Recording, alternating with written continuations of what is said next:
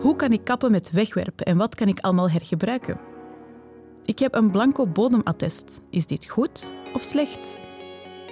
Ik erger mij aan het zwerfvuil in mijn omgeving. Hoe wordt dit eigenlijk aangepakt? En wat moet ik doen als er asbest in mijn dak zit? Welkom bij Planeet Circulair, een podcast van en over de OVAM en haar ambities om samen te werken aan een leefbare en circulaire samenleving. In deze podcast bieden we een antwoord op situaties waarmee jij en ik dagelijks geconfronteerd kunnen worden en die betrekking hebben op de taken van de OVAM, de Openbare Vlaamse Afvalstoffenmaatschappij.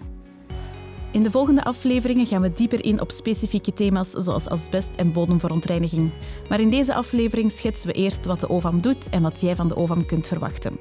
Daarvoor hebben we administrateur-generaal Werner Annaert te gast. Dag Werner, welkom. Dag Ine. Jij staat sinds 1 december vorig jaar aan het hoofd van de OVAM en volgde zo Henny de Baats op die met pensioen ging.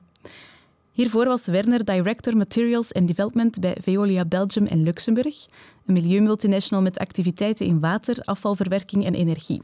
Voordien was hij al aan de slag als general manager van FEBEM, de Federatie van Bedrijven voor Milieubeheer, die nu DENUO heet, en als adviseur afval- en bodembeleid van de Vlaamse minister van Leefmilieu. Aan de beginjaren van zijn carrière was de nieuwe OVAM-topman actief bij VVSG Interafval en bij BDO Belgium, een accounts- en adviesorganisatie. Werner, welkom bij Planeet Circulair. Ik schetste net heel kort uw professionele biografie. Afvalmanagement en circulaire economie vormen duidelijk een rode draad doorheen uw studies en uw carrière. Van waar komt die fascinatie? Wel, in de jaren tachtig was, ik een, was ik een tiener. Hè, en op dat moment waren er toch wel in de pers um, heel wat uh, berichten over illegale stortplaatsen, uh, bodemsaneringsproblemen. En ja, dat trok wel mijn, uh, mijn aandacht. Ik was er ook wel uh, om bekommerd. Uh, en vanaf dat moment heb ik wel speciaal in die richting toch altijd wel wat gekeken. Um, en tijdens de studies heb ik dan ook, ja, voor wat betreft mijn thesissen, dergelijke onderwerpen gekozen rond afvalbeheer, afvaltransporten. Um, en het leek me dan ook evident toen ik op zoek ging naar een job, dat ik ook in die sector zou beginnen werken. En zo bent u nu administrateur-generaal bij de OVAM. Wat doet de OVAM eigenlijk precies? Wel, de OVAM is uh, een beetje het centrale radertje, zou je kunnen zeggen, het afval- en bodemsaneringsbeleid in Vlaanderen. Enerzijds uh, zorgen wij ervoor dat er uh, beleid wordt gemaakt, hè, dat er wetgeving komt, in samenwerking uiteraard met de Vlaamse regering, hè, voor wie we werken. en langs de andere kant zorgen we er ook voor dat dergelijk beleid ook wordt uitgevoerd, hè, dat we resultaten halen. En dat doen we in, in het belang van de burger, in het belang van onze bedrijven, en dat doen we met heel veel partners. Hè. OVAM voert op zich geen activiteiten uit. Hè. Dus wij zamelen geen afvalstoffen in of verwerken dat niet. Eh, of hebben ook geen machines om eigen bodemsaneringen te doen. Um, maar wij werken wel met heel veel bedrijven samen om dan onze doelstellingen uh, te laten realiseren. Dat zit echt wel in het DNA van OVAM. En nu dat we dan op weg zijn naar een circulaire samenleving, circulaire economie, kunnen we dan nog wel spreken van een afvalmaatschappij eigenlijk? Is het geen tijd voor een naamsverandering? Wel, de positieve kant van het verhaal is inderdaad dat we toch uh, geëvolueerd zijn hè, van een uh, heel groot milieuprobleem, wat toch afval uh, absoluut was in de jaren tachtig en ook de bijkomende bonussaneringsproblematiek, mm. naar een, een, beleid waar we meer en meer kijken naar wat de opportuniteiten zijn hè, van wat we uit dat probleem dan zouden kunnen destilleren. En dat zijn natuurlijk de hele vele materialen hè, die we dan terug kunnen inzetten in onze economie. Dat is ook belangrijk in het kader van de CO2-emissies. Want we weten allemaal dat uh, materiaal dat we recycleren, hè, dat dat op energievlak uh, beter scoort dan primair materiaal, dus minder CO2. Dat gezegd zijnde wil ik toch wel benadrukken dat wat mij betreft OVAM wel uh, de gatekeeper is, hè, ook van de volksgezondheid als het gaat over afval. En dat mogen we niet vergeten, hè, want we starten toch altijd nog wel van een potentieel probleem.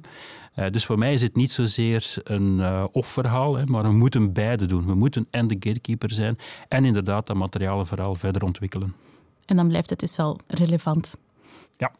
Wat zijn eigenlijk de middelen of instrumenten waarmee de OVAM haar opdrachten kan uitvoeren? Wel, OVAM vertrekt van die uh, wetgeving hè, en kan die natuurlijk ook uh, laten aanpassen of vragen om dat aan te passen.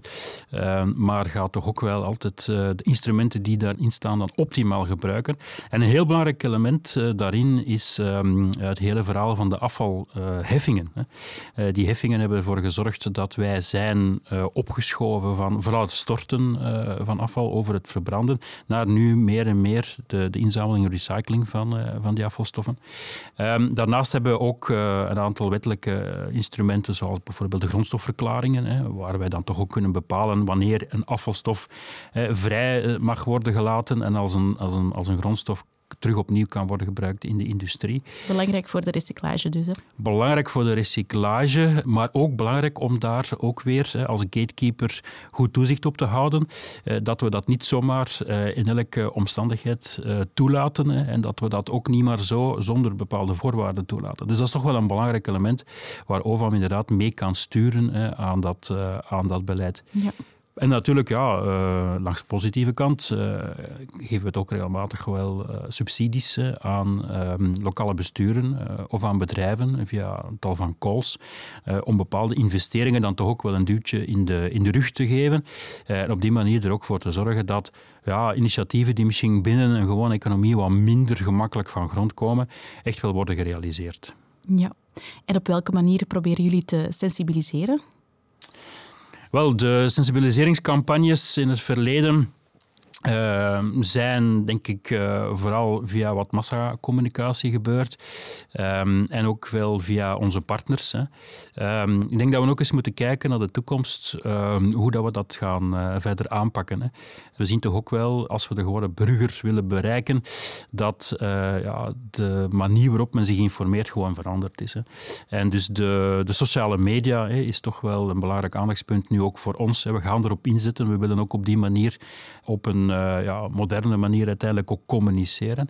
Maar het samenwerken met die partners, dat gaan we wel blijven doen. Want ik ben ervan overtuigd dat zij onze boodschap ook verder kunnen uh, versterken. En kun je zo voorbeelden geven van die partners?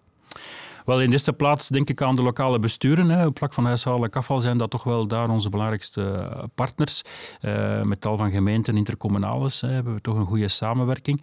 Maar ook met organisaties zoals bijvoorbeeld de FOS Plus hè, of een BEBAT of Valipak. Uh, die hebben ook vaak toch wel wat mogelijkheden ook om te communiceren, om te sensibiliseren, omdat er ook een taak is hè, die zij zelf ter harte nemen. Um, en dan daarnaast hebben we natuurlijk tal van bedrijfsfederaties, hè, van de bouw tot de chemie, voeding, noem ze maar op. En uit uiteraard onze eigen uh, afvalinzamel- en recyclingbedrijven. Um, en ook zij hebben toch vandaag de dag wel duidelijk de visie om uh, hun sector uh, te informeren, hun leden te informeren. En daar kunnen we dankbaar gebruik van maken. Ja. U staat nog maar net aan het hoofd van de OVAM, maar wat beschouwt u als de grootste verwezenlijkingen van de OVAM? Wel, er zijn er wel een aantal. Ik denk in de eerste plaats aan al wat we gedaan hebben rond bodemsanering. Denk maar aan de vele miserieplekken die we toch in Vlaanderen hebben uh, weggewerkt.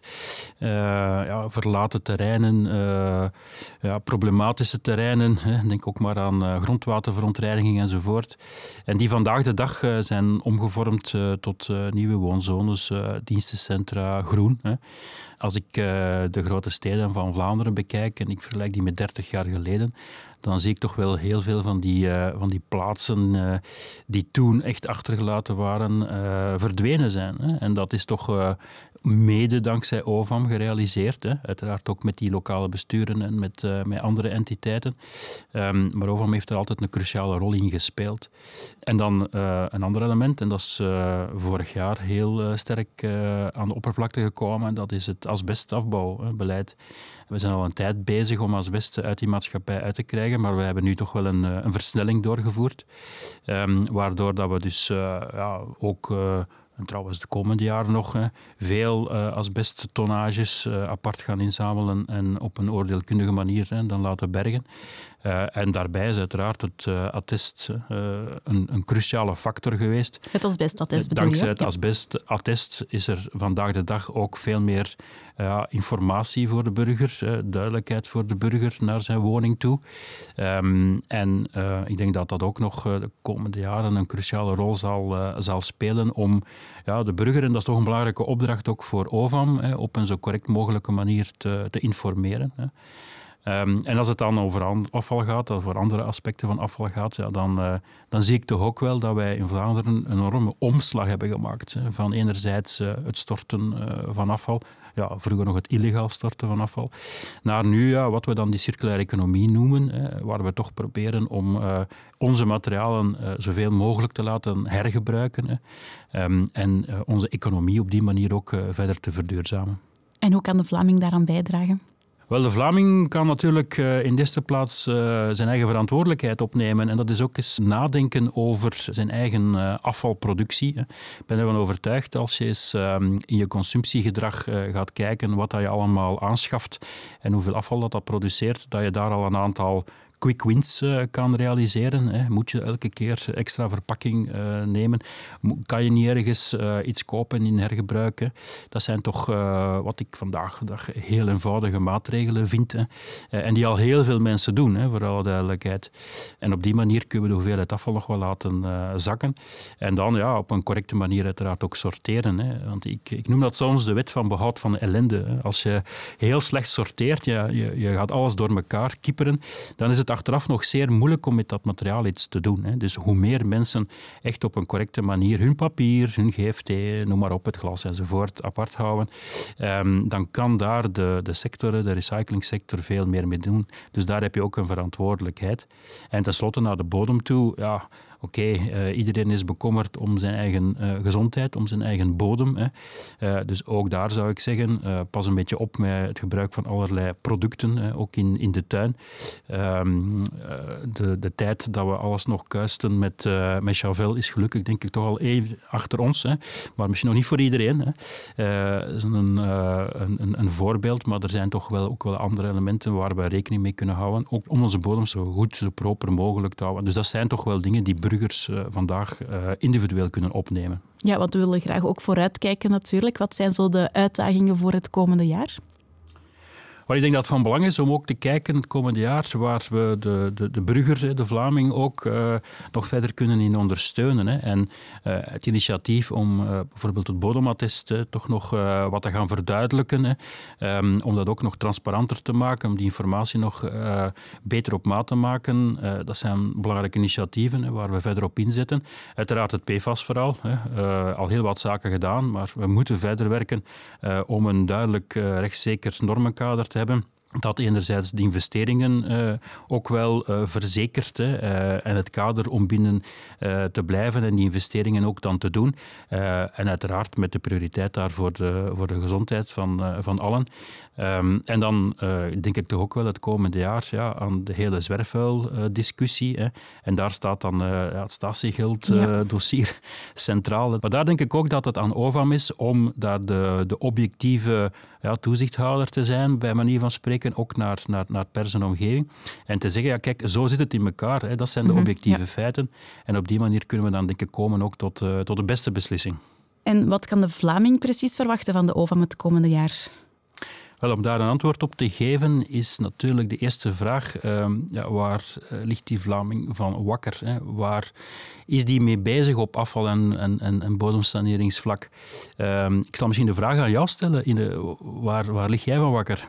Wel, die vraag zat uh, net in onze intro. Uh, ik heb een dak dat vervangen moet worden en daar zit effectief asbest in. Dus asbest, daar lig ik wel wakker van. Is dat gevaarlijk? Ik heb twee kleine kindjes. Is dat gevaarlijk dat zij onder een asbestdak slapen? Ja, wel. Uh, ik denk dat dat al één thema is waar de Vlaming inderdaad wel naar ons voor kijkt. Hè.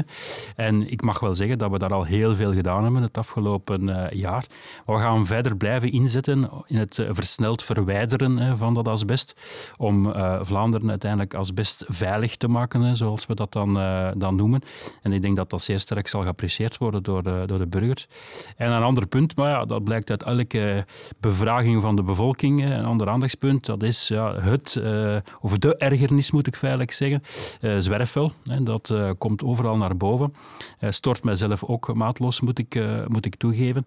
Um, een zeer moeilijk probleem om te tackelen. Ehm, we zien nu dat het statiegeld daar wat als een deus ex machina uit de kast wordt gehaald. Dat zal volgens mij niet alles oplossen. Maar ik denk wel dat we die discussie ten gronde moeten voeren en dat OVAM daar zeer objectief moet kunnen mee aan, aan sturen. En dan hoop ik dat we tot een beslissing komen die effectief toch ook wel een positief effect kan hebben op dat zwerfvuil en dat de Vlaming dus een beetje minder gefrustreerd moet rondlopen op dat vlak. Dat klinkt inderdaad zeer uitdagend. Bedankt, Werner. Met veel plezier. Het is zeker uitdagend. En uh, ik wil toch nog eens zeggen dat ik uh, met veel graagte uh, de hele vele initiatieven van OVAM eens in het daglicht heb geplaatst. Want daar mogen we allemaal toch wel best trots op zijn. Dat is zeker. In de volgende afleveringen gaan we dieper in op deze onderwerpen. Abonneer je dus zeker op onze podcast in je favoriete podcast-app en hou zeker onze webpagina in de gaten. Dat is ovam.vlaanderen.be-nieuws. Daar vind je meer informatie over andere OVAM-thema's. Tot de volgende keer.